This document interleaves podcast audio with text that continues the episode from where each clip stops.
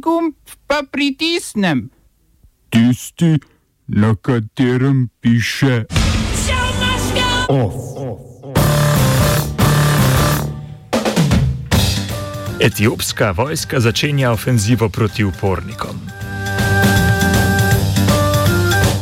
Omejitev evropskih sredstev ob nespoštovanju vladavine prava. Hašim Tači že v priporu. Zlorabe slovenskih policistov na delovnem mestu predmet preiskave.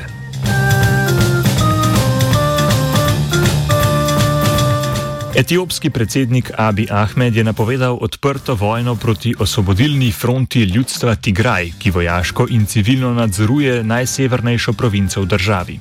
Lokalne vojaške sile so pretekli teden napadle oporišče Zvezdne evropske vojske, kar je sprožilo odprti konflikt med vladnimi in uporniškimi silami. Parlament je že odobril šestmesečno izredno stanje v najsevernejšem delu države, kjer deluje OFLT. Vojska pa, kot kaže, pripravlja izdatno ofenzivo na oporišča upornikov. Predstavniki severnega ljudstva Tigraj in njihova politična stranka so bili do leta 2018 ključni in vodilni element v vladajoči koaliciji različnih etničnih strank, ki je imela oblast v državi vse od padca komunistične stranke Etiopije leta 1991. Ko je oblast prevzel sedanji predsednik, Abi Ahmed, ki je njihov odprti politični nasprotnik.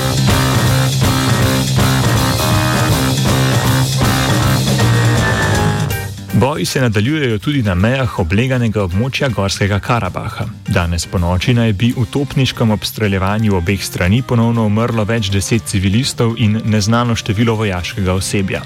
Po začetnih uspehih azerbajdžanske vojske se je fronta očitno ustalila ob vznožju planot, na katerih leži Gorski Karabah in ki že tradicionalno predstavljajo veliko oviro za azerbajdžanske sile.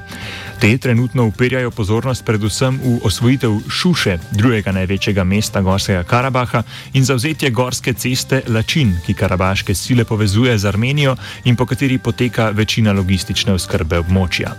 Če te operacije ne bodo uspešne, bodo spopadi najverjetneje dosegli mrtvo točko, kar bi lahko sprti strani prisililo v pogovore o premirju. Hašim Tači, ki je bil že do včeraj, še do včeraj kosovski predsednik, je po prostovoljni predaji že v priporu v Hagu, ker so ga obtožili sodelovanja pri izvajanju vojnih zločinov na območju Kosova in Severne Albanije med vojno na Kosovu od marca 1998 do septembra 1999. Tači, Kadri Veseli, Rečep Selimi in Jakub Krasniči so obtoženi, da so v tem času kot poveljniki osvobodilne vojske Kosova odgovorni za vojne zločine, ki, ki zajemajo nezakonite in samovoljne aretacije, kruto ravnanje, mučenje, umore, prisilne izginotja oseb in pregone. Med žrtvami domnevnih storilcev naj bi bili prebivalci omenjenih območij, ki niso sodelovali z osvobodilno vojsko Kosova, med katerimi pa so srpski, romski, katoliški in albanski kosovci. Prva javna obravnava pred sodiščem bo 9. novembra.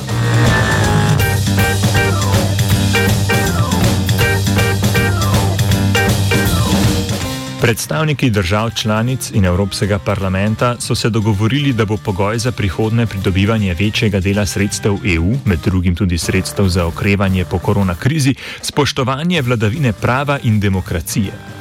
Podrobnosti dogovora še niso znane, so pa dogovor podprle vse štiri večje evropske parlamentarne stranke, skupine, vključno z Evropsko ljudsko stranko. Proti predlogu sta bili le Mačarska in Poljska, ki pa predloga zaradi glasovanja v svetu s kvalificirano večino ne moreta blokirati.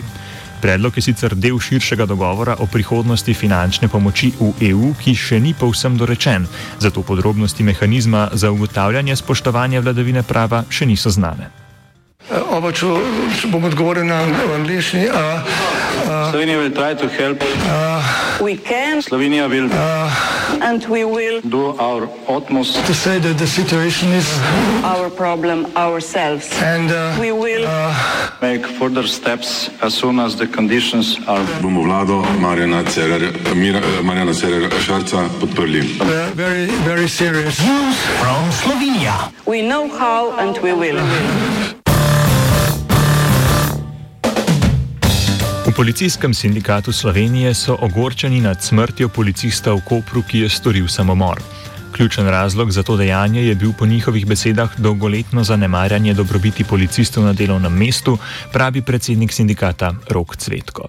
Po tem dogodku na sindikat prejemamo sporočila zaposlenih, eh, ki jih po tem tragičnem dogodku v Kopru dnevno pošiljajo eh, eh, naši zaposleni in vsebujejo vse več informacij, ki so bodi si podobne ali pa delno podobne tudi tej v Kopru, ki je na koncu privedla do tragičnega uh, konca.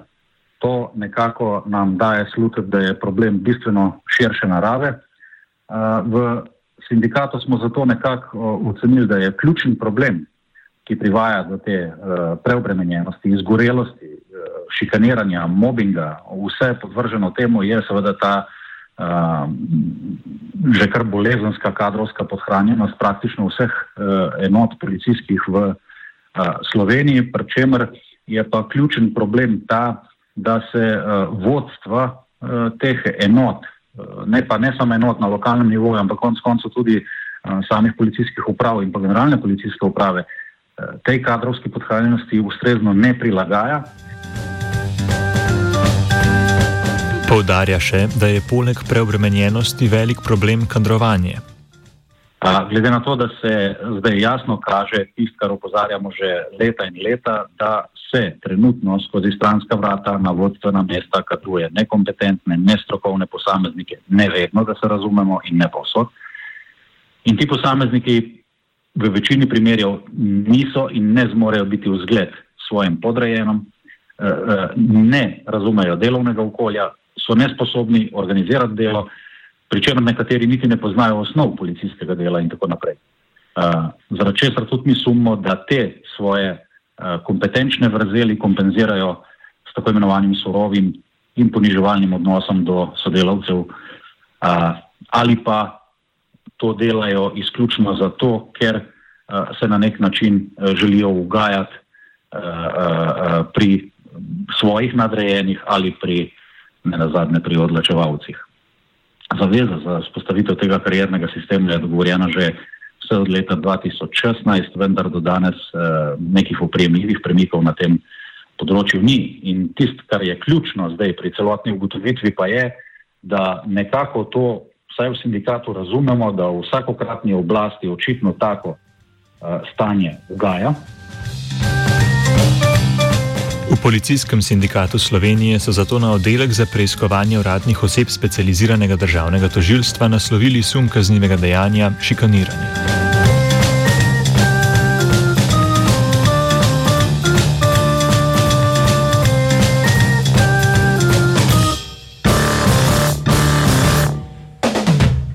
Višje sodišče v Ljubljani je potrdilo prvostopensko obsodbo v zadevi Dimic, v kateri so bili takratni vodilni v NLB spoznani za krive kaznivega dejanja zlorabe položaja ali zaupanja pri gospodarski dejavnosti.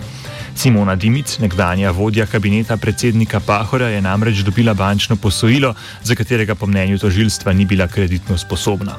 Obtoženi Draško Veselinovič, Matej Narad in Miran Vičič so kljub temu poskrbeli, da je skupaj z očetom dobila dva nepremičninska kredita, s čimer so banki povzročili neupravičeno tveganje, Dimičevi pa zagotovili 330 tisoč evrov neupravičene premoženske koristi.